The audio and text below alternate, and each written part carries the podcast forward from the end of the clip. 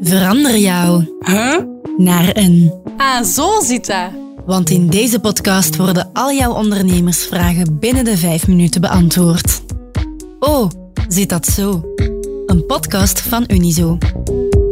Hallo, met Leen van de Unizo Ondernemerslijn. Uh, waarmee kan ik je helpen? Goedemiddag, ik krijg in mijn verhuisfirma vaker en vaker de vraag of ik een flexijobber mag aannemen.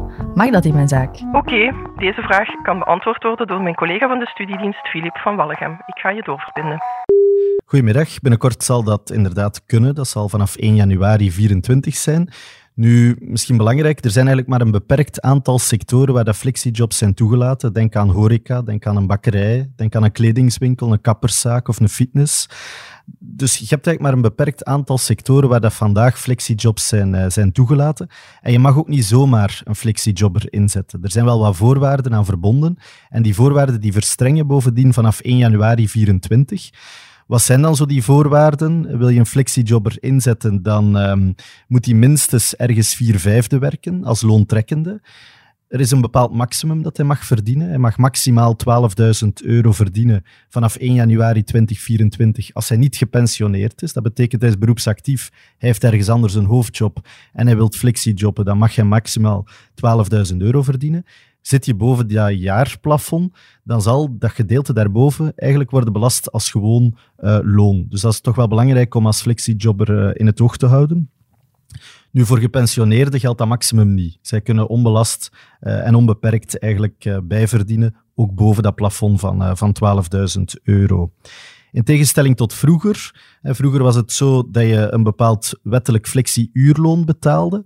Dat zal enkel nog blijven bestaan voor de horeca, maar voor de andere sectoren, zij zullen dan moeten kijken naar het sectoraal barema-loon dat van toepassing is in de sector. En het is dat sectoraal barema-loon dat zij zullen moeten uitbetalen aan de, aan de flexiejobbers. En hoewel dat er geen werknemersbijdragen verschuldigd zijn op flexijobs, zijn er wel werkgeversbijdragen verschuldigd. Die worden opgetrokken vanaf 1 januari van 25% naar 28%. En misschien ook nog een belangrijke om te weten, dat is dat een werknemer nooit mag flexijobben bij dezelfde werkgever waar dat hij ook zijn hoofdjob heeft. Dus je kan nooit bij dezelfde werkgever zowel je hoofdjob uitoefenen als je flexiejob. Wat zijn dan de voordelen om een flexijobber aan te nemen? Ja, er zijn eigenlijk heel veel voordelen aan, aan een flexiejob. Het is een heel flexibele werkvorm. Uh, het is eigenlijk een win-win voor zowel werkgever als voor, uh, voor de werknemer. Uh, de ondernemers kunnen die arbeidskrachten inzetten op, uh, op momenten dat ze het nodig hebben, op piekmomenten. Zij kunnen ook zelf kiezen waar en wanneer dat ze die flexiejobbers inzetten. Dus ik denk dat dat wel een heel, alleen heel voordelig statuut is, dat heel flexibel is.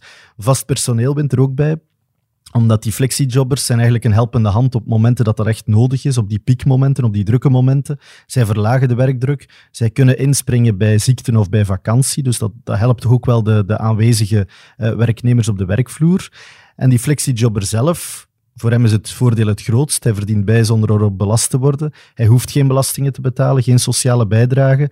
Dus hetgeen wat dat hij bruto verdient, zal eigenlijk ook netto uh, zijn, uh, zijn loon zijn. En bovendien zullen er ook nog eens sociale rechten opgebouwd kunnen worden, zoals vakantie, zoals pensioen, zoals werkloosheid. Dus ik denk dat dat toch wel, uh, toch wel heel wat voordelen zijn. Wil je dan als werkgever die flexijobber inzetten? Wat doe je dan gebruikelijk? Is je maakt een soort schriftelijke raamovereenkomst, waarin dat je afspreekt wat dat het loon is, wat dat de functie zal zijn. En dan telkens, wanneer dat je die flexijobber inzet, op die, op die momenten dat je het echt nodig hebt, dan maak je nog eens afzonderlijke arbeidsovereenkomsten. Dan doe je een Dimona-aangifte. En dat kan via verschillende systemen. Hè. Bijvoorbeeld een geregistreerd kassasysteem in de horeca, via dagdimona in andere sectoren, waarbij dat je dan telkens begin- en einduur ingeeft. En we krijgen toch wel heel veel signalen dat dat heel vlot loopt uh, op het terrein. Dus, dus ik denk dat dat wel een, wel een heel vlotte manier is om mensen in te zetten. En gaat dit systeem dan nog uitbreiden naar andere sectoren? Want ik heb veel ondernemende vrienden die met dezelfde vragen zitten. Dat is alleszins ook onze vraag. Als het van ons afhangt, dan breiden we het uit naar alle sectoren die dat, uh, die dat wensen. Recent breidde de federale regering ook de toegang tot flexijobs uit naar een aantal extra sectoren. Uh, de gelukkigen waren onder meer uh, de eventsector, de vastgoed, uh, verhuisfirma's, de begrafenisondernemers, een aantal zaken uit de voedingssector, bijvoorbeeld brouwerijen of ambachtelijke roomijsfabrikanten. Dus je voelt toch wel aan alles dat we gaan naar een uitbreiding van meer sectoren, maar zover zijn we dus nog niet. En daarom wil Unizo natuurlijk een algemene uitbreiding naar alle sectoren die dat wensen. Flexijobs waren daarbij nog nooit zo populair als vandaag. En ook van zelfstandigen krijgen we heel vaak de vraag waarom zij niet mogen flexijobben bij een vriend die bijvoorbeeld een café heeft.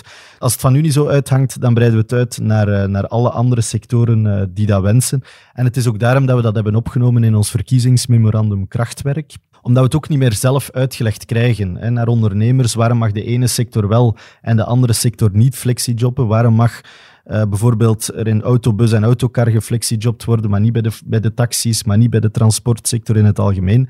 Dus we krijgen dat zelf ook niet meer uitgelegd. En dat is waarom dat we die algemene uitbreiding bepleiten. Nu, zover is het nog niet. De politiek zal daar een belangrijke beslissing in moeten nemen. Maar sectoren kunnen zelf ook al wel aan de slag. Wat kunnen zij bijvoorbeeld doen? Zij kunnen zelf afspreken in het paritair comité, onder sociale partners, sectoraal dan, om toch flexijobs toe te laten binnen die sector. En wij roepen dus alle sectoren, alle sectororganisaties ook op om daar werk van te maken binnen het paritair comité. En intussen tijd blijven wij strijden voor die, voor die algemene uitbreiding van de flexijobs. O Zit Dat Zo is een podcast van Unizo met expertise van onze interne diensten en onze partners. Wil je wat meer informatie over dit topic? Surf dan naar de kanalen van Unizo of klik op de link in de show notes. De productie en de eindredactie gebeurden door Keana van Houtegem en Babette Plessers. Ben je lid van Unizo, dan kan je net zoals de ondernemers in deze podcast contact opnemen met de ondernemerslijn voor gratis advies. Dat kan gemakkelijk op het nummer 02 21 22 678.